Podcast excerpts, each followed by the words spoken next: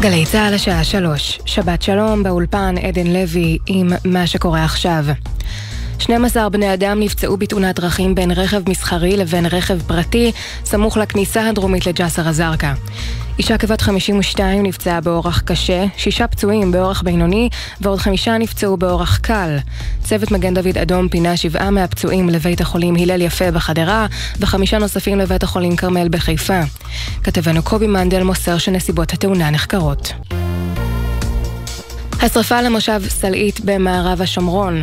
טרם הושגה שליטה על האש. 11 צוותים של לוחמי אש, כולל שלושה מטוסי כיבוי, פועלים גם בשעה זו על מנת להשתלט על השרפה ולמנוע את התפשטותה ליישוב. כתבנו הצבאי דורון קדוש מוסר שהתושבים לא הונחו להתפנות מבתיהם. אישה כבת 63 נפצעה באורח בינוני לאחר שרכבה התהפך סמוך לכניסה לשער הגולן. כתבנו בצפון, הדר גיציס מוסר שצוות מגן דוד אדום פינה אותה למרכז הרפואי פוריה עם חבלה בחזה. הולך רגל בן 71 נפצע בינוני לאחר שנפגע מרכב בכביש 4 ממחלף גאה לכיוון אם המושבות. הוא פונה לבית החולים בלינסון בפתח תקווה כשהוא סובל מחבלת ראש. באוקראינה נהרגו לפחות שישה בני אדם וחמישה נפצעו במתקפת ארטילריה רוסית על העיר לימן שבמזרח המדינה.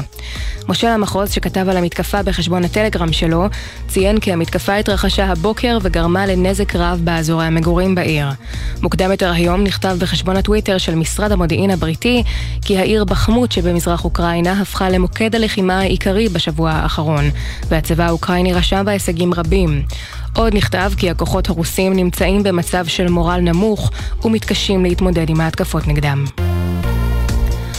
בפריז דובר המשטרה הודיע כי ההפגנה נגד אלימות המשטרה שמתוכננת להערב נאסרה בשל סכנה לסדר הציבורי. זאת לאחר שבשבוע שעבר אלפי מוחים נעצרו בהתפרעויות אלימות בהפגנות בעקבות מותו של נער אלג'יראי על ידי המשטרה. לקראת ההפגנה הערב נגד הרפורמה המשפטית ברחוב קפלן בתל אביב, בחמש וחצי יחסמו לתנועה הרחובות הסמוכים. בנוסף תחסמנה היציאות במחלף השלום צפונה ודרומה. כתבתנו בתל אביב, אנה פינס מוסיפה כי ייתכנו עומסי תנועה באזור, ומומלץ לנסוע בדרכים חלופיות.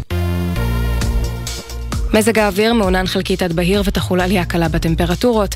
לכל מאזיננו שבת שלום, אלה החדשות שערכה עינב קרנר.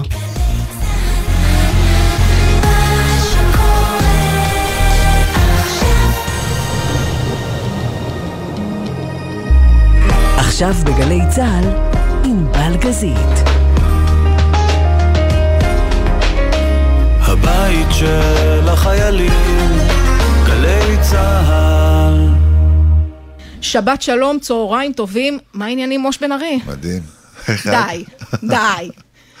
אתה מרגיש אה, כאילו חלפו 30 שנה מאז התחלת? אה, את האמת לא, אבל אה, כנראה שהזמן טס מהר מדי.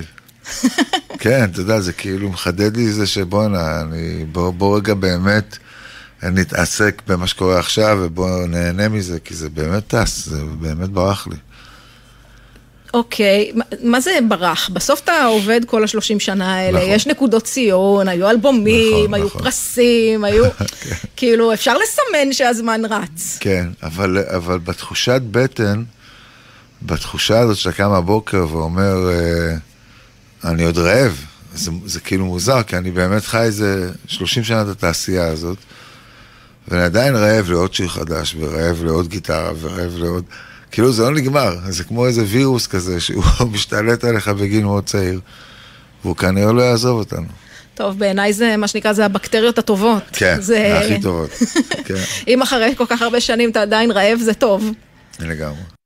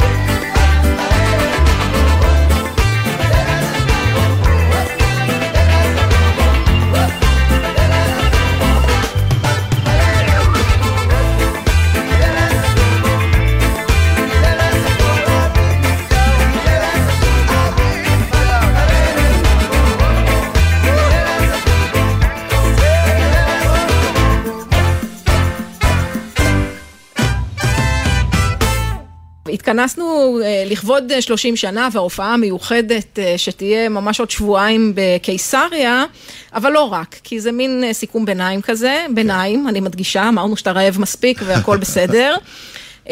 ואתה יודע, נהוג ברגעים האלה ללכת אחורה. לימינו הכמעט משותפים, אנחנו לא בני אותו מחזור בדיוק, אבל אני מעמק יזרעאל, אתה מעפולה, כן. נכון. איפה בעמק? אני מתמרת, זה פחות, פחות העיר, אבל אה, כן. שמעתי אותך ככה, בחוץ דיברתם קצת על, אה, על בית הספר והמחששה, וזה, כן. מכירה, דודה שלי לימדה בבית ספר בעפולה, מכירה את כל הדברים. זה לא מקום שלפחות, נגיד כשהתחלת, היה מובן מאליו שממנו אפשר להגיע לתעשיית המוזיקה. זה הכי לא. פעם, במיוחד של פעם. את יודעת, היום אנחנו... הפריפריות נמצאות פה, בכל מקום. אבל פעם זה היה מאוד מאוד מאוד מוגזם להגיד, אני הולך להציע לך מוזיקה. במיוחד אם אתה בא מהעמק ואתה, כל מה שאתה מכיר זה את הגבולות של התבור והגלבוע. ומה שיש ביניהם, אתה יודע לספור את הנחלים ואת ה, את כל המעיינות שיש, אתה פחות כאילו מבין מה זה העיר הגדולה ומה זה תל אביב. ואתה גם פחות כאילו, גם אם אתה מאוד מאוד שומע מוזיקה קצת מיינסטרים, אתה, אתה לא באמת משם. ואנחנו בכלל בעמק שמענו את ניל יאנג ולד זפלין ו... שזה קצת משם וקצת לא. דברים אחרים, כן, אתה יודע. כן, אבל זה לא, כאילו, בוא נגיד, זה הכי לא, היינו יותר וודסטוק, כשבתל אביב היה את, ה, את העולם של הפינגווין וכל השנקין, היינו הכי לא, היינו היפים של העמק ודיברנו שפה אחרת לגמרי, אהבנו דברים אחרים לגמרי, זה באמת הייתה מדינה אחרת לגמרי, אז... והיום זה כבר די, זה באמת, אני לא רואה את ההבדלים. כשאני מגיע עדיין להורים, אז אני רואה את הנימה ברחוב בעפולה. היא לא כזאת שונה ממה שקורה בתל אביב. כולם אה, אה, רדופים באיזה חדר כושר של בוקר, ואחרי זה אה, אה, נדחקים לאיזה פקק בדרך לעבודה וחזר חלילה. אני לא חושב שזה באמת, אבל אז זה היה, הקצב היה אחר. כשהיית מגיע לתל אביב, מהעמק, הקצב הוא היה, הוא היה בועט בך. זה לא היה שום דבר שקרוב לזה. בעמק באמת הדברים התנהלו לכיוונים אחרים, והזמן עבודה אפילו שאנשים עבדו, זה היה בשביל באמת שיהיה זמן לשבת לשתות בירה עם החברים בערב. זה ממש כאילו היה כזה, אף אחד לא רדף אחרי שום, שום דבר כמעט. אז אין אה, חברים אה, נורא מפורסמים, ואין משפחה שממנה אפשר אולי לשאוב כן. את המוזיקליות, אולי, אני לא יודעת, המשפחה שלך מוזיקלית? אבא שלי הוא עדיין אחד האנשים שהכי אוהב מוזיקה אולי. הוא כל הזמן, אתה יודע, הוא כל הזמן עדכן אותי, ואני בעצם ניגנתי על הגיטרה שהייתה החלום שלו. הוא היה גיטריסט. כשנולדנו, אתה יודע, הוא היה בעפולה וחייב לפרנס את המשפחה, אז הוא שם את הגיטרה אצלי בחדר. היא הייתה תמיד עמדה שם בפינה, וזו אותה גיטרה שהתחלתי לכתוב עליה את כל השירים שלי. מדהים. כן. זה חתיכת סגירת מעגל. כן, כן, כן. מתי אתה ניגש להורים ואומר, אה, אמא, אבא, אני רוצה להיות מוזיקאי? גיל 16. גיל 16 אני באתי אליהם, אמרתי, תשמעו, זה, שחררו אותי. תנו לי, אני לא הולך להיות אה, בטוח לא רואה חשבון ובטוח לא אה, עורך דין. ואני לא רואה את עצמי באמת יודע לקחת משהו מה, מהבתי ספר ולשים אותם בקיבוץ, כי אני באמת לא, לא אשתמש בזה, אז תנו לי, תנו לי את הזמן להפוך כלי אחד שאני באמת אוהב למשהו, יהיה לי בר שימוש אחרי זה, ולמזלי ההורים שלי מאוד מאוד רגישים והם נתנו לי את זה. הם ראו שבית ספר זה לא בדיוק המקום שיקדם אותך. הם ראו שבית ספר זה לא המקום, ואמרו לי, תשמע, אין בעיה, אבא שלי עשה איתי עסק, הוא הביא לי קסטה, אמר לי כל יום שיר, תקליט לי שיר, זה הבית ספר שלך. וואלה. כן. כל יום שיר. כל יום שיר. זה חתיכת uh, משימה מורכבת. המון שירים, עד גיל 19, עד שהתגייסתי לנחל. אבל חוץ מהכל יום שיר הזה, הם שמו איזה שהן מגבלות, דרשו ממך להרוויח לבד, כאילו... קמתי בשבע בבוקר, כל בוקר עם האחים שלי. הם הלכו, אכלנו אותה ארוחת בוקר, הם הלכו לבית ספר, אני הלכתי להקליט. אין לחזור לישון. לא היה טלוויזיה, כי היה טלוויזיה, לא היה מה לראות. את יודעת, זה לא היה... זה לא היה היום, יש לך אולי רגע ודודלי של איזה 20 דקות באמצע היום. אבל uh, ממש כזה, לך תעבוד על המוזיקה. תשמע, זה הורים מדהימים, זה כן, אמונה ש... אני חייב להם הכל, באמת, באמת, באמת, באמת, כל מה שאני, כל מי שאני, אני חייב להורים שלי. מתי אתה זה... מבין שטוב, עם כל הכבוד לעמק ולעפולה, צריך אה, לקום וללכת? Uh, זהו, הסיבוב שלי הוא מאוד מאוד שונה, כי אני אחרי הצבא, אחרי שאת יודעת, הייתי בקיבוצים, הגשמנו את ה... היינו מיועדים להגשים את בית הערבה, והגשמנו אותה והקמנו את הקיבוץ. ושלוש שנים שאתה בצבא, עזה, הכל. וכשהשתחררתי גם לא התקרבתי לתל אביב, ברחתי ישר, uh, היינו גרים שם מוזיקאים, אז חלק מהחברי הילדות שלי עשו ניו יורק, להגשים את עצמם שם. אף אחד לא, תל אביב לא הייתה קיימת לנו בראש, צריכה להבין את זה. וואלה. היא לא הייתה איזשהו משהו שצריך לכבוש, כאילו המיינסטרים הישראלי, אני לא אומר חס ושלום, כי הוא לא היה שלנו. באמת, באמת זה לא היה שלנו. כשאמרת לך לד זפן, ניל יאנג, זה מה שהיינו שומעים. לא ידענו, אם את שואלת אותי את מה קרה פה בשנות ה-80, במוזיקה הישראלית אין לי מושג בלהגיד לך כלום. לא ידעת שהקליק בעצם כלום. שומעים את אותה מוזיקה כמוך עם אותו לד זפלין ו... לא ידעתי שיש סצנה בתל אביב שקוראים לה מיינסטרים והיא משודרת במקומות מסוימים והיא עובדת, לא ידעתי. לא, הייתי, לא חייתי לגמרי את מה שקרה שם בוודסטוק והלאה. זהו, זה היה עולמי. אז רוב חבריי המוזיקאים נסעו לניו יורק כי זו הייתה הבירה שרצינו לכבוש, לא תל אביב, עם כל הכבוד. ואתה אומר, רוב חבריך זה מרמז שאתה לא נסעת לניו לא, יורק. אני נסעתי להודו בשביל לנוח, והלכתי ללמוד מוזיקה הודית קלאסית שנה וחצי. וכשחזרתי, גם לא חזרתי לתל אביב, חזרתי לאמירים, ושם הקמתי את להקת שבע. ואז כל ההופעות שלנו היו באירופה, רובם, חוץ מהופעות ענקיות שהיינו עושים בישראל, 30 אלף איש בשנטיפי. אז עדיין, הפנים שלי לא, לא, עדיין לא, לא ילד בן, בוא נגיד שכבר הגענו לסוף של שבע, ילד בן שלושים, שאין לו מושג שסצנה שקוב תל אביב. לא מבין בה, לא שמעתי רדיו בחיים, לא גדלתי על, על, על, על, על האלמנט הזה, גדלתי על תקליטים שהחברים מהקיבוצים העבירו לנו, וזה מה שידענו. זה מה שקיים מבחינתנו בעולם. ברור שהיה את הגשש והיה דברים שאבא היה שומע בבית, אז מאוד אהבנו. דברים שהיה למזלי, למזלי, את הסבתא שהשמיעה לי יום כולתום, ודברים גם שורשיים מאוד שלנו. אבל לא ידענו את הסצנה שקורית פה, חזרנו בגיל 30, אני חושב שפעם ראשונה שלומי ויובל ממשין היו חברים מאוד מאוד טובים שלי עדיין. הלכנו וקצת התחלתי להבין שיש פה סצנה, ומעניין יהיה לזרוק לשירים ולראות מה יקרה, ואז נולד עד אליי. אבל כל, כל העשור הראשון שלי בתור עשייה, עם הצלחה מאוד גדולה עם להקת שבע, לא הייתה באמת מחוברת למרכז. הייתה מחוברת לדברים אחרים, מקומות אחרים לגמרי, בעולם בטוח, אבל אם בישראל, לאזורים יותר פתוחים, בוא נגיד זה ככה, פחות אה, עירוניים. יבוא שלום עלינו, עוד יבוא שלום עלינו, יבוא שלום עלינו ועל כולם. יבוא שלום עלינו, יבוא שלום עלינו, יבוא שלום עלינו ועל כולם.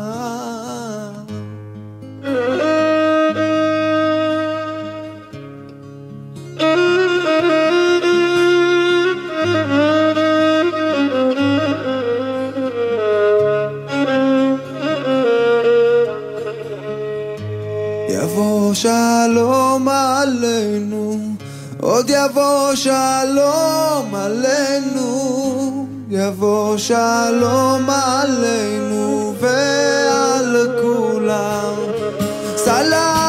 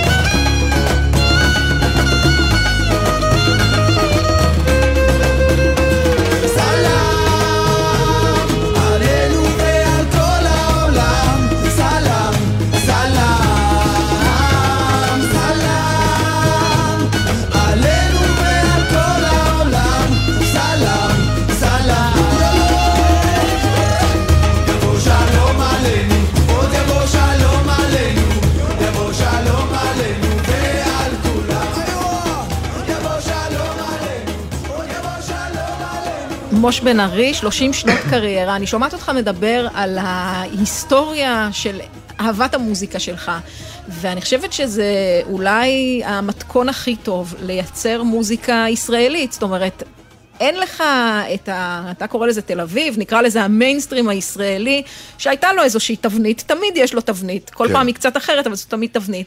ואתה לקחת מכל הבא ליד, פחות או יותר. לקחתי גם מכל מה שאהבתי.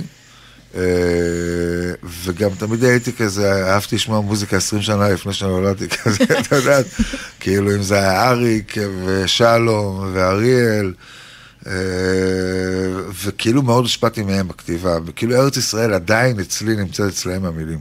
זה האמת. אה, אני לא, לא ידעתי לתת פרשנות אחרת אם לא הייתי שומע את אריק ושלום כותבים. ישראל מבחינתי נמצאת אצל האנשים האלה בידיים, והיא נוף ארצי אמיתית, והחיבור זה המפגש שלי עם העולם. כשיצאתי ועשיתי וולד מיוזיק, והיינו, הופענו בפסטיבלים של פיטר גבריאל, וקיבלנו פרסים מאוד גדולים מפיטר, והופענו עם החבר'ה האלה, אז הוולד מיוזיק, הרגע וכל העולם הזה מאוד ידע ללבוש צורה אצלי בגרוב, וכשחזרתי אז היו המילים שלהם, של אריק ושל החבר'ה האלה. אז שם באמת נוסע, הצלחתי לייצר איזה נוף תרבותי, אמיתי, שלי, שהוא עשוי מכל העולמות זה האלה. מילים ממשמרות, מוזיקה מג'מייקה, ובסוף הכל נפגש בגרוב עיראקי. לגמרי, ועובד, בדיוק, עם קורבי ובאמיה. וזה עובד מדהים, וזה, לשמחתי זה גם עבד על כולם. זה כזה באמת, הצלחנו להניח את זה בכל מקום שהגענו, וכולם קיבלו איזה ברכה, כי הטקסט הוא היה מפה ובגובה העיניים, ושלנו, כולם באמת הרגישו בית בטקסטים שלי, והמוזיקה מרקידה אותך, אז הכל בסדר. הזכרנו שנדרשת לכתוב, אה, ברגע שעזבת את בית ספר, כל יום לפחות אה, שיר כן. אחד, אבל כשיצאת לדרך, הלכת עם קבוצה, זאת אומרת, שבע שמתאחדים נכון, וישירו נכון. איתך והכל טוב ויפה, אבל לא יצאת לקריירת סולו. לא, למה? התחלתי מלהקה, כי אני קודם כל, לפני הכל, גם היום שתשאלי אותי מה אני, אני לא אגיד לך זמר, אני אגיד לך אני מוזיקאי. כי אני קודם כל מוזיקאי, ומוזיקאי לבד הוא מוזיקאי עצוב. אתה זמר לבד, אתה בסדר, אבל כשאתה מוזיקאי לבד, אתה מוזיקאי עצוב, אתה רוצה לנגן עם חברים. ואני חושב שכאילו ההתחלה של ה... ממש, לא היה לי רצון להתפרסם בהתחלה, לא, לא היה לי רצון להיות רדוף. היה לי רצון בלעשות, להמשיך לעשות מוזיקה. אז אם זה אומר שאני אתפרנס ממוזיקה בשביל שיהיה לי את הזמן לעשות מוזיקה, אז זה מה שאני אעשה. אז כשהתחלתי אה, אה, לחשוב על קונספט של נגן, זה היה עם הלהקה, עם להקת שבע, שבדיוק הקשבנו את עצמנו וחיברנו את זה. אהבנו לנגן ביחד, ואמרנו, יאללה, מנגנים.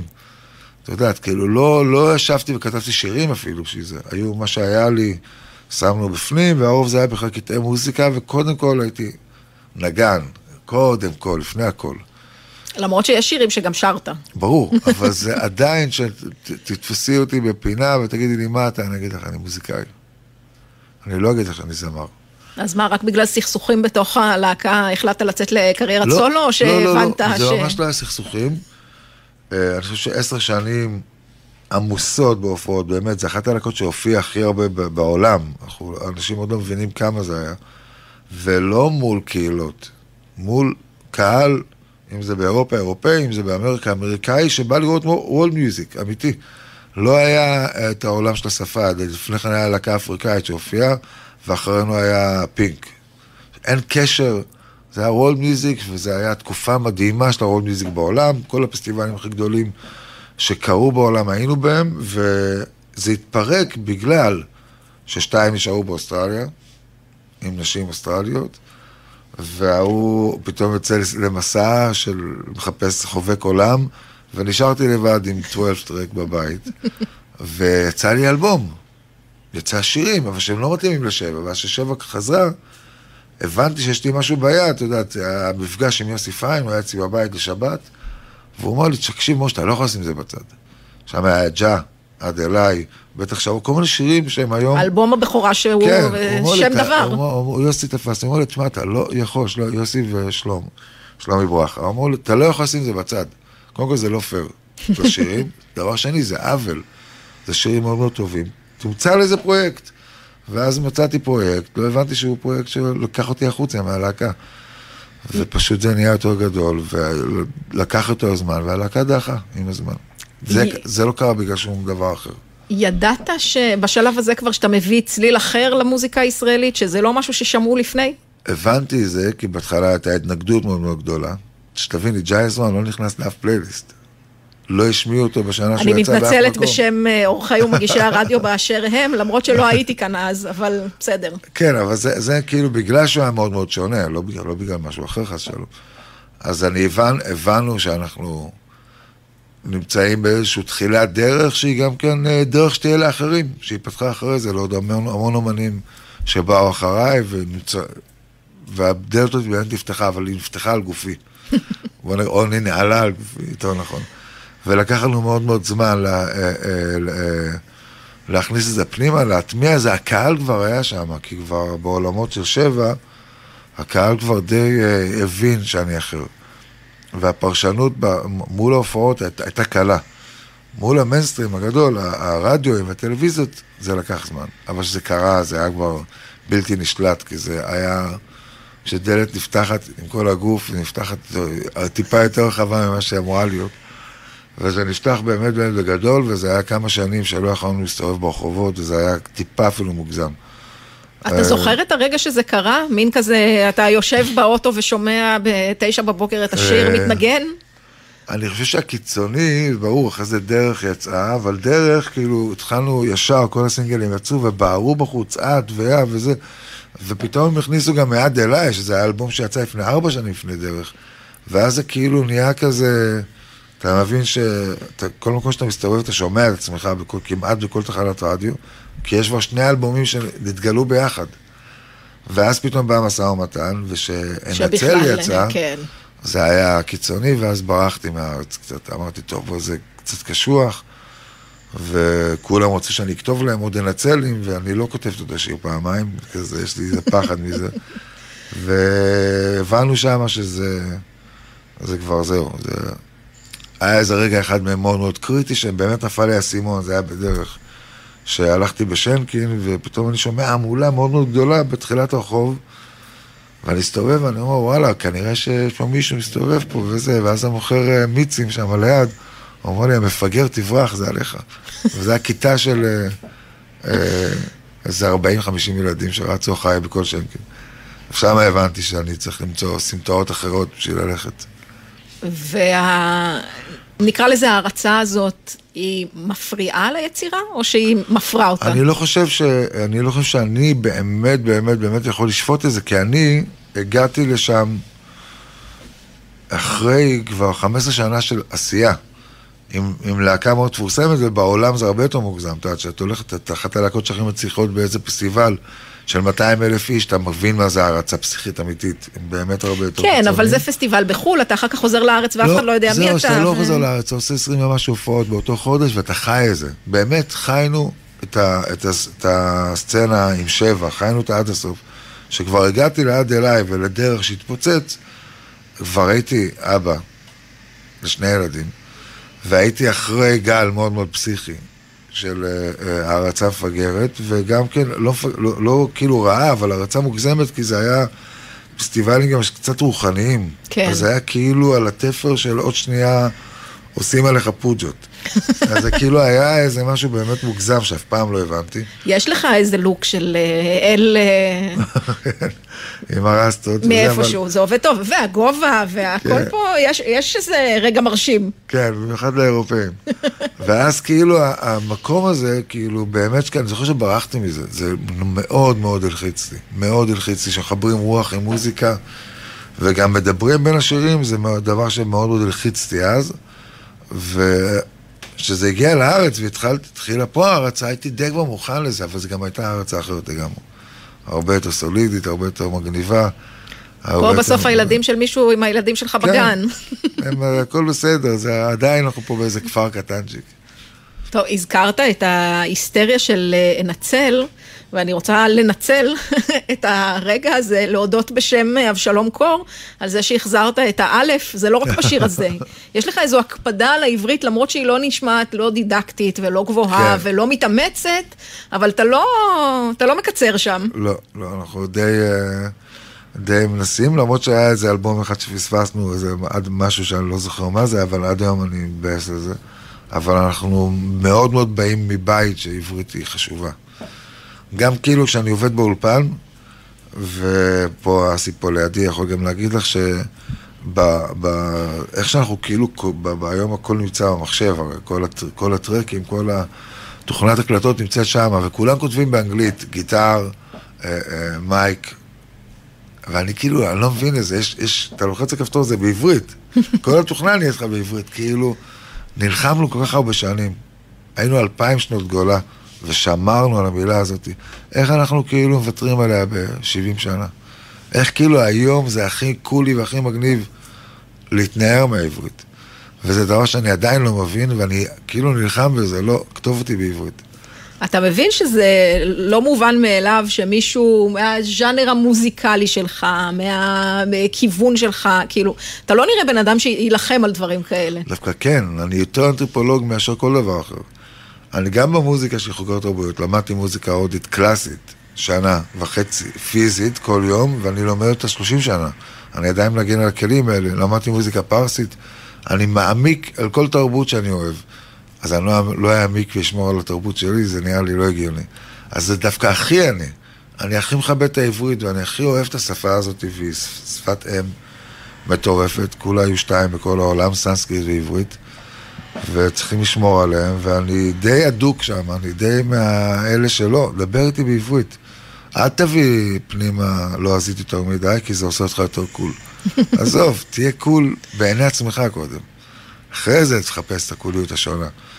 ואני חושב שאנחנו יותר מדי מתעסקים עם העולם האמיתי שהוא לא פה. וזה זה משהו מסוכן, ואני חושב שזה תרבותי, זה הכי מסוכן. עם בלי תרבות, את יודעת, סופו ל... לא, להיות קול בעברית, זה, כן. זה הניצחון הכי גדול. אז בוא נשמור על השפה, הרבה נלחמו בשבילה, והרבה ילדים שומרים עליה בגופם כל יום. אז אני נאבק עליה. עכשיו זה מעניין ביחס לזה שהמאבק הוא על העברית, אבל מצד שני הרוחניות נגיד של, בטח של שבע, אבל גם אחר כך, היא לאו דווקא יהודית. היא לא, זהו, שזה משהו שאני, אני כאילו, זה הזיה הכי גדולה, כי בעצם השאלה היא סטייה משוגעת. כי אין מאה אלוהים. אם, בוא נגיד שיש אלוהים. ג'ייז וואן, אני... נכתב על זה שיר. יש אלוהים אחד. גם לאברהם, שהוא קיבל את האלוהים, הוא, הוא, הוא קיבל את זה באלוהים אחד. אתה יכול להבין מזה הרבה דברים אם אתה טמבל, אבל אתה, בסוף זה משפט אחד שאומר, אלוהים הוא אחד. תקרא לו אללה, תקרא לו שיבה, תקרא לו בודה, הוא אחד.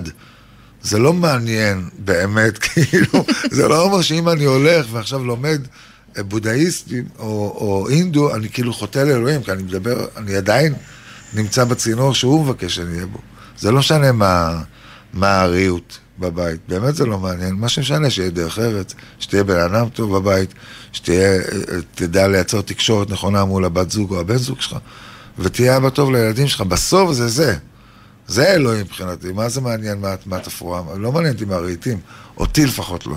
אז אין לי פחד ללכת ולגעת אה, אה, בפילוסופיה אחרת שמדברת על אלוהים, שהוא אחד. אין לי פחד אה, לחוות תרבויות אחרות, כי זה לא מאיים על אלוהים. זה מאיים על האגו שלי, כן. אם אני יהודי שאומר לא, רק אני יודע לקרוא לו, אז זה כאילו מאיים על האגו שלך, לא על אלוהים. שלא תטעה. הוא ייצר אותך בדיוק כמו שהוא ייצר אותם, והוא גם אוהב אותם בדיוק כמו שהוא אוהב אותך, והוא רוצה שגם להם יהיה טוב. אז זה בסדר גמור להיות בצינורות אחרים. ואני לא מפחד מזה, ואף פעם לא פחדתי מזה, והבאתי המון הוצאות משם.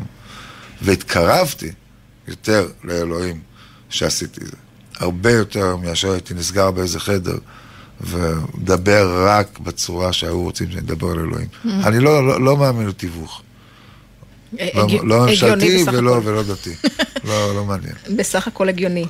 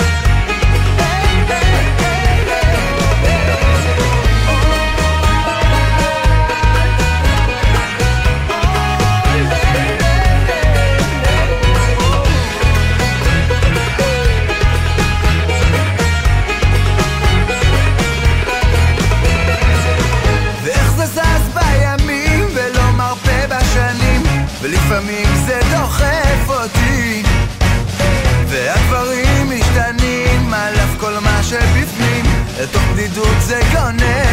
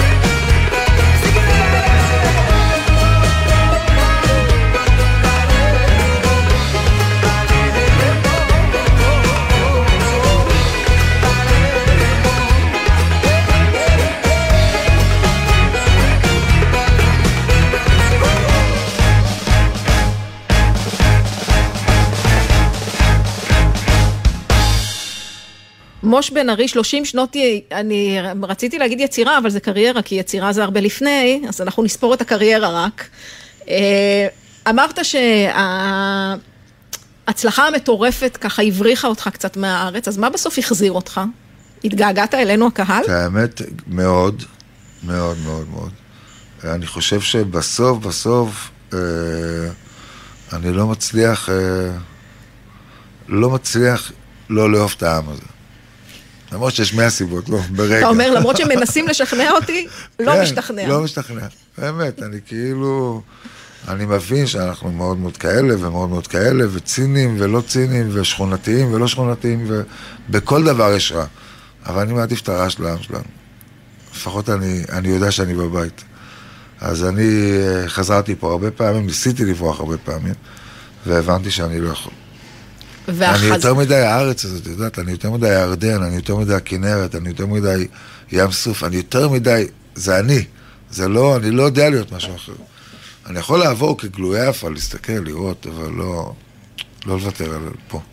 והחזרה הזאת, אה, מה היא עושה? מה רואים כשחוזרים? זאת אומרת, אני מניחה שחלק מהאלבומים נוצרים בחוץ וחלק בפנים, מה שנקרא. משא ומתן, אה, רובו, רובו נולד בחו"ל, באוסטרליה, במקום מדהים, מדהים, מדהים, מדהים, באמת חייתי בפאתי מלבורון, שעובר לי נהר בשטח. אני קולטת שיש לך עניין עם מקורות כאילו, מים, אני כן, שמה לב, כן, זה אני בסדר? באמת, אני איש של מים, וכאילו, ועובר לי נהר, וכאילו ערים כאלה מלטפים את הנהר, ובאמת כאילו אין לי סיבה לזוז לאף מקום.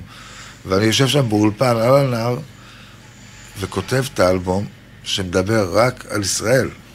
זה כאילו, אתה יודע, הייתי אז נשוי באותו זמן לאוסטרלית, והיא אומרת לי, מה העניין שלך? למה אתה לא יכול באמת להיות פה? אמרתי לה, כי, כי אני לא פה, אני לא מפה. זה נהר מדהים, אבל הוא לא יהיה בחיים שלי. זה עצים מדהימים, אבל הם בחיים לא, לא יהיו נוף, נוף ילדותי, אין לי מה לעשות, זה אני שייך לאותו אלון שיושב לו בודד על איזה הר שם בגלבוע, ולאותו אה, אה, עץ צפצפה ולאותו זרזיף מים, שאנחנו קוראים לו נהר, הוא ירדן. נחל, גם אכזב. כן, אבל זה אני, אין מה לעשות. אם קטן, לא קטן, אבל זה אני בסוף. אז אתה חוזר לארץ עם חוזר האלבום לארץ הזה. עם האלבום הזה, ונכנס לאסי לא- לאולפן, לאסי אילון, וזהו, מאז זה הכל היסטוריה. ואז גם הוא מצליח, ומי מי כן. ידע שככה זה ילך. כן. בסדר, הזכרנו את חיבתך למקורות מים, וגם לזה שאתה אוהב לשבת על שפת הנהר, אגם, נחל, מה שזה לא יהיה. כן, זהו, אין ברירה אלא להזכיר את החוף של מוש. נכון. שזה בעיניי מפעל תרבותי לא פחות מכל יצירה הוא מוזיקלית שלך. לגמרי לגמרי מפעל תרבותי, כי הוא רוב רובו מתעסק בתרבות. הוא החוף שהכי אה, אה, לא מדבר בשפה של חוף ים, של כיסאות פלסטיק וכאלה, הוא כאילו הכי נותן הקפדה על... אה, מתחיל מנראות, כי הכל מתחיל מנראות מהעין. הכל כאילו מאוד מאוד מוקפד ומאוד מאוד מושגח, ומדבר בשפה שחופים בעולם מתנהגים, שהם לא, לא, לא פותרים את זה בפלסטיק, בקל. והוא מציג רק מוזיקה איכותית תמיד, שברובה זה קלאסיות ורול מיוזיק מהעולם. והוא עסוק מאוד מאוד בלתת מענה לאומנים צעירים וללילות לבנים ולמוזיקה. זה כל המהות של החוף הזה בסוף. באווירה שמזכירה קצת, אה, נוהגים לומר בעולם, סיני, אבל אבל לא. בעצם זה כן. גם קצת את הילדות בעמק, נכון. שזה מטורף בעיניי. כן, זה כזה מאוד, וזה באמת אה, חוף שהוא מתחיל להיראות כמו שמורת טבע כזאת. את יודעת, כזה הכל אה, שמורה אנושית, של משהו אחר שפעם היה. טוב, למי ששומעת ולא יודעת, כמובן החוף של משה זה באילת, כן. אה, אבל נהוג לומר שאומנים הם לא בדיוק אנשי עסקים מי יודע מה, וחוף זה עוד לא- יותר גרוע כשצריכים. אני לא מעיד על עצמי כאיש עסקים טוב, יש בגלל זה ששותפים והם אה, באמת אה, מובילים את זה ס- סבבה. ברור שהרצונות שלי הם לא הכי עסקיים, כי הרצונות שלי הם מאוד קשורים ל... קודם כל יופי והרמוניה ורעות שמסתבר מאוד מאוד יקר ולהחזיק על חוף ים, אז אנחנו צריכים לחדש אותו כל הזמן. אבל החוף הזה מקיים את עצמו ובזה אני שמח. ומה גרם לך לחשוב שאתה אבל צריך אה, כי לא היה לי חוף. סיני נסגרה באותה תקופה, הייתה הערת הזרה הכי גדולה שהייתה אי פעם, אה, והבנתי שאין לי חוף ללכת אליו, שאני אוהב. זה היה משבר נוראי, כי אני בן אדם של ים. אז היה איזה חוף כושל ברמות נוראיות באילת, כל מי שהיה שם לפני באמת נכשל ופשט רגל. אמרתי, טוב, זה יכול, אה, יכול להיות אחלה חוף, להיכשל בו שוב. מקסימום, כולם נכשלו, אז זה לא כזה, יהיה נורא. כישלון ו- שמחזיק כבר כמה שנים? זה תשע שנים שאנחנו באמת כאילו עם חוף מפואר, שעובד מדהים. וזו הייתה הסיבה האמיתית, רציתי שיהיה חוף יפה. זו הייתה הסיבה, זה שהיה אפשר, אפשר להיכנס עם ספר, או לעשות יוגה, או כל דבר שבא לך לעשות, גיטרה, ובאמת לעשות את זה. עכשיו, אה, אני יודעת שיש קצת בעיות אה, סביב החופים באילת בימים אלה. כן. מה, מה אם לשמור על אה, שמורת הטבע הזו, שאיננה טבע, אבל היא שמורה? אני, אני יכול באמת להילחם, אבל גם עד גבול. כרגע זה עבר, זה עבר כמה ידיים, זה, כרגע זה נחת אצל העירייה, יש שם את המשברים של לא יודע מה הם רוצים לעשות עם כל הרצועות, אבל אם זה, הם מאוד מאוד רוצים שאני אשאר, וזה ברור, והחוף הזה באמת מככב, אבל רק אם זה יהיה נכון, ואני אדע לשמור עליו ככה, אז יקרה. אם זה אינטרס אחר, של לבוא למכור נקניקיות לילדים, אני לא אהיה שם. כן, לא, צריך להסביר שחלק מהמורכבות שם זה שרוצים לעשות פרויקטים של בנייה ולשנות כן, את החופים באופן את כללי, לא רק את ו- החוף הזה. אה, כן, אני- אינטרסים אני- בין פוליטיים לכלכליים תמיד כן. אה, קשה לעמוד. אני, אני לא כזה, אני מקווה מאוד שזה, אנחנו נמצא את את הגשר, אם לא, הוא יעבור הלאה, הוא יהיה במקום אחר. טוב, יש חופים בכנרת שמחכים, ים המלח, יש דברים טובים לעשות, אין בעיה.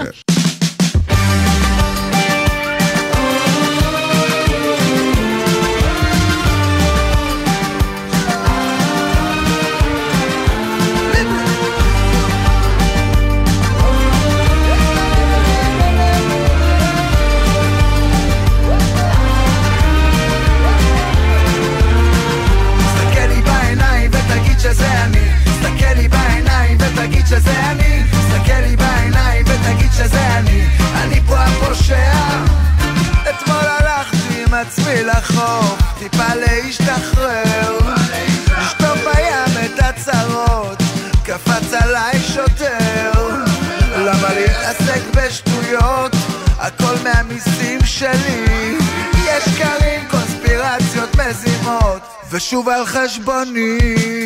תסתכל לי בעיניים ותגיד שזה אני. תסתכל לי בעיניים ותגיד שזה אני. תסתכל לי בעיניים ותגיד שזה אני. אני פה הפושע. מעבר לכביש קבלן עם משאית. מזהם לנו את הנחל. יש לו אישורים בכיס ימין ופקיד אחד משוחד. הרי מזמן נשבענו להציל חיים בשם אהבת דיר לכל מרבה מחיר ואני טיפה בעיה. תסתכל לי בעיניים ותגיד שזה אני. תסתכל לי בעיניים ותגיד שזה אני. תסתכל לי בעיניים ותגיד שזה אני. אני פה הפושע. תסתכל לי בעיניים ותגיד שזה אני. תסתכל לי בעיניים ותגיד שזה אני. תסתכל לי בעיניים ותגיד שזה אני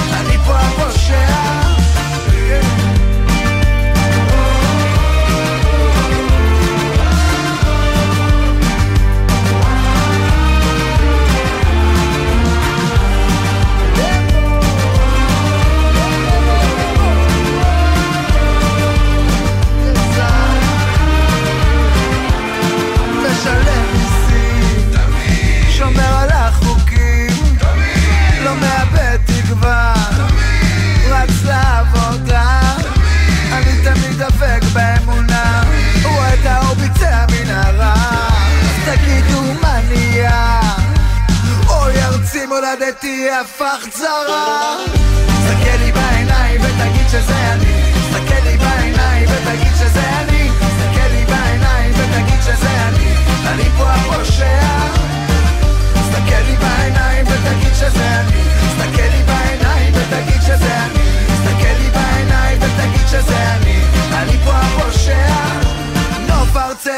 הפך לבטון, עקרונות ילדינו הפכו ממון, חזון היותנו הפך לנדל"ן, כבוד לאבותינו רק עם הזמן, אין בו חל בנה זרוקה לצד כביש, עוני כאן בינינו אבל רק שלא נרגיש, כאב לזולת ברייטינג קיים, תגיד את כל הדרך עשינו לחינם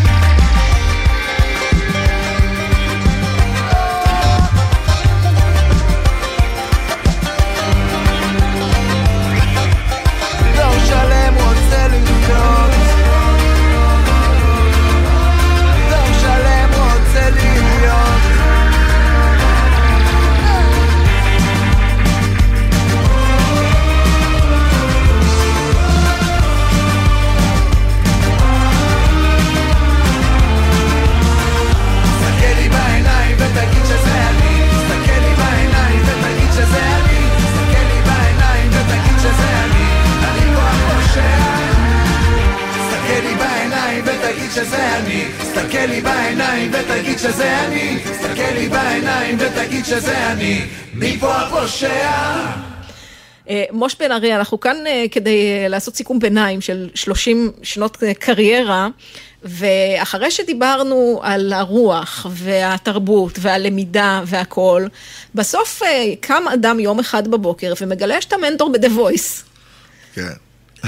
עכשיו, אתה יודע, אני, אני תמיד בשביל הכותרות המרגיזות, בשביל שאתה תוריד אותי. זה לא תרבות גבוהה, זאת לא יצירה נכון. איכותית, זה הכל נכון. רייטינג וכסף, איך זה קשור אליך? שוב פעם, את יודעת, כאילו, אה, אה, קט כתב משפט מדהים אה, באיזה שיר, אחד השירים הגדולים שלו, אני לא זוכר את השם, שהוא אמר, אה, אה, גם הבריכה של השטן שחיתי, אבל לא חזרתי על אותה טעות פעמיים. אז נראה לי שאני קצת כזה, אני גם יודע לטעות, אבל אני מבטיח לך שאני לא, לא חוזר על אותה טעות פעמיים. נהניתי מאוד שם, לא, זה לא היה טעות חס ושלום, נהניתי מאוד, ובאתי, באמת זה עניין אותי להבין מה, מה העומק שאתה יכול להגיע בתוכנית כזאת עם ילדים מדהימים, כי הילדים לא שטחיים. אותם ילדים שמגיעים לאותה תוכנית, לא, הם לא שטחיים בעליל, הם מוזיקאים שרוצים רק שיקשיבו להם. ולשים אותי שם, זה היה איזה, מבחינתי רגע אחד להבין אם באמת זה אפשרי. להגיד לך שזה אפשרי, אני לא, לא חושב. אני לא חושב. אתה יכול להיות מצליח מאוד, אבל אתה לא תייצר את הדרך שאתה תייצר עם הקהל מעשרה אנשים עד למאות אלפים. אתה לא תייצר את אותה דרך, אתה כאילו, אתה לא, אתה לא תהיה שם. אתה ישר מקפיצים אותך למעלה עם יותר מדי פרוג'קטורים, עם יותר מדי אנשים שמתעסקים באיך שאתה נראה, עם יותר מדי אה, רצונות ויותר מדי אינטרסים, שלאו דווקא לטובת האומנות שלך, או לטובת זה שתישאר פה מספיק זמן, בשביל לייצר אומנות טובה ולגדול איתה. ואני חושב שזה לא נכון. מתאים מאוד לתרבות האינסטנט שאנחנו חיים בה היום, כן, מאוד מתאים. הרי אנחנו לא... המוזיקה, בוא נגיד את האמת, היא כבר די פרסומת היום. זה לא בדיוק מוזיקה, זה כאילו זה משהו אחר. אני לא שופט את זה, כי בטח שפטו גם את זה שאנחנו הגענו פעם, אלה שהיו לפנינו. אז אני לא, לא בא ואומר, אה, אה, אה, נכון או לא נכון, אני אומר, זה כאילו, זה התרבות כרגע. אז זה חלק מהתרבות, אגב, אני, אני חושבת על זה, הש, השבועות האחרונים מדברים הרבה על נועה קירל שעושה עוד פעם פארק הירקון. זאת בחורה שלא הלכה לריאליטי, היא התחילה אולי כן, לא נכון. במועדונים קטנים, אבל בשירים שיצאו לרשת וגם, וצברו קהל. יש את הדרך של משאלה לגמרי. זאת אומרת, אה, אז עדיין אפשר לעשות את זה ככה בעצם. בדיוק, בגלל זה אני חושב שזה עדיין לא נכון. אני חושב שכן אפשר להתעקש על דרך משלך, וכן אה, אה, להתמיד ולהאמין שמתישהו זה יקרה. ואם לא, זה בסדר. העיקר עשית מוזיקה כל הדרך. אנחנו לפני סיום, אה, מוש בן ארי, והתחלנו מזה שההורים שלך אישרו לך לעזוב את בית ספר בתנאי שאתה כותב שיר כל יום. כן. זה עדיין קורה? כל יום. כל יום. אז איפה, מה עם בוקר. איזה אלבום, מה אני... יצא, הנה עכשיו פואמים חדש שכבר התחלנו להוציא, עכשיו יצא הסינגל השלישי מהאלבום, ואני מאמין שבקרוב הוא יצא החוצה, כולו, עם עטיפה והכל. אתה יודע, פשוט אנשים אה, מחכים, יש כן. קצת אה, דודה, רוצים להגיע... אני עובד כל הזמן, ואנחנו כותבים כל הזמן, ואני כותב כל הזמן, וגם שם, יודע גם לשים במגירה. לא כל דבר חייב לצאת החוצה. וזה בסדר גמור, העיקר שבכל בוקר אני פוגש את הגיטרה עם הקפה, ואבדוק אם יש לו איזה שיר להיוולד שם בפנים, או אם הוא סתם שיר, זה גם בסדר. טוב, זו העבודה המשרדית הכי טובה ששמעתי עליה. כן. אה, מילה על החגיגות בקיסריה. אני מניחה שזה, בגלל שזה חגיגה אמיתית וקיסריה וזה, אז יש אה, הפתעות שלא נראה בהופעות רגילות. הזכרתי כבר נכון. שיש אה, איחוד היסטורי, נכון. אפשר לומר, של שבע. עוד משהו שכדאי להתארגן ולהתכונן אליו? אתה יודע, תמיר דדון יש שם, דודו טסה, אביב בכר, שבע, נראה לי זה, אתה יודע, זה כל כך הרבה, וכל הקידבק הזה של השלושים שנה, של ה... כמה אלבומים, אני לא יודע, נראה לי די הרבה. נראה לי, כמה אלבומים? שמונה, תשעה אלבומים בלי שבע. נראה לי שווה, שווה לו. יש, כן, איזה ש... כן. יש, כן. אני, אני זוכרת שבעה סולו בטוח, זה אומר שבטוח יש עוד. כן. אה, אתה אה, מוכן, רגיל כבר למעמד שלך כ... אה, אני רוצה להגיד מנטור, אבל זה מתחבר לא טוב ל-The Voice, לא. אבל אתה לאושייה של המוזיקה הישראלית? אתה מבין שאתה אני- אתה אני- דבר כזה שמשפיע, שכבר... אה, אני חושב, ש... אני חושב שאני מבין את זה, אבל אני לא, לא יודע... תפסי אותי מחר בערב, תגידי לי מי אתה, אני לא יודע לשים את עצמי שם, באמת, כי אני לא, בן אדם, הוא לא יכול לראות את עצמו. אני יודע איך אני יודע שאני, כשאני פוגש את החבר'ה הצעירים היום וזה, ואני נכנס לחדר, אז הרבה פעמים עומדים, ואני אומר, חבר'ה, אני לא מבין מה, זה עדיין לא נוחת לי. לא, לא נוחת לי בפנים באמת, באמת, אבל, אבל אה, אני מבין שהתבגרתי ועשיתי הרבה מוזיקה בדרך, אז כנראה, כנראה שכן, או כנראה שאוהבים אותי. מוזיקה מיוחדת וייחודית לך, וכל הדברים שעשית גם מסביב, כנראה משאירים איזה חותם. אפילו, כן. אגב, הזכרנו, לתת במה לחבר'ה צעירים בחוף, גם זה חלק מהמעמד הזה לגמרי, בעיניי. לגמרי. טוב, מה אני אאחל לך? עוד 30 שנה נראה לך מספיק, או שאתה רוצה אמן. 50? אבל כמה... לא, לא, כמה שיהיה, כל עוד אני אעשה מוזיקה בהם, זה לא משנה כמה הם יהיו, העיקר שאני אעשה בהם מוזיקה, ועדיין, שהקהל שלי עדיין יאהב אותי. זהו. עם זה לא נראה לי תהיה עשר בעיה. יותר, עשר פחות, זה לא כזה דרמטי. מוש בן ארי, תודה רבה, שבת שלום, וניפגש עוד שבועיים בקיסריה. אמן.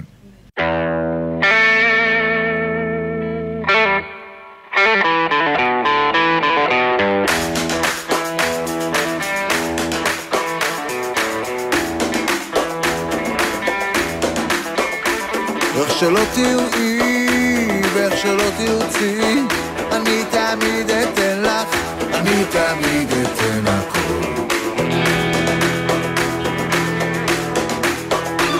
איך שתבקשי וכמה שתתני, אני תמיד אהיה פה, אני תמיד אהיה פה בשבילך.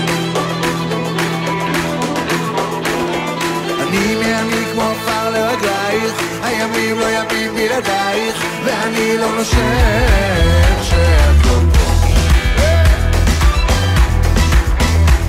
אז אל תוותרי, רק תסמני, מיד אני אצא, מיד אני אצא, אצא לבחור. את ידי הכסי, ולעולם אל תרפי, תחזי חזק חזק, תחזי חזק חזק חזק שלא ניפול. אני מי אני כמו עפר לרגלייך, הימים לא ימים בלעדייך, ואני לא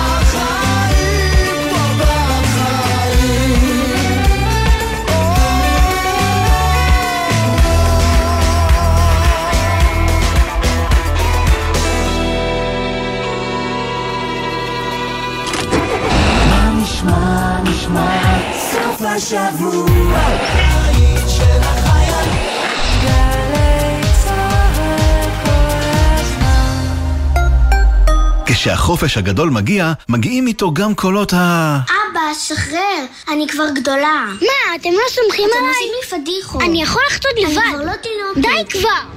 אבל כדי שהחופש הגדול יעבור בשלום, אתם חייבים להתעקש. ילדים עד גיל תשע לא חוצים את הכביש בלי ליווי מבוגר. הזכירו להם שחוצים רק במעבר חצייה, רק כשהכביש פנוי, ובזמן החצייה לא נוגעים בטלפון הנייד. לפעילויות על בטיחות בדרכים לילדים ולכללי בטיחות נוספים לימי הקיץ, בקרו באתר הרלב"ד. מיד אחרי החדשות, יונתן מודילבסקי עם גל עברי ירוק.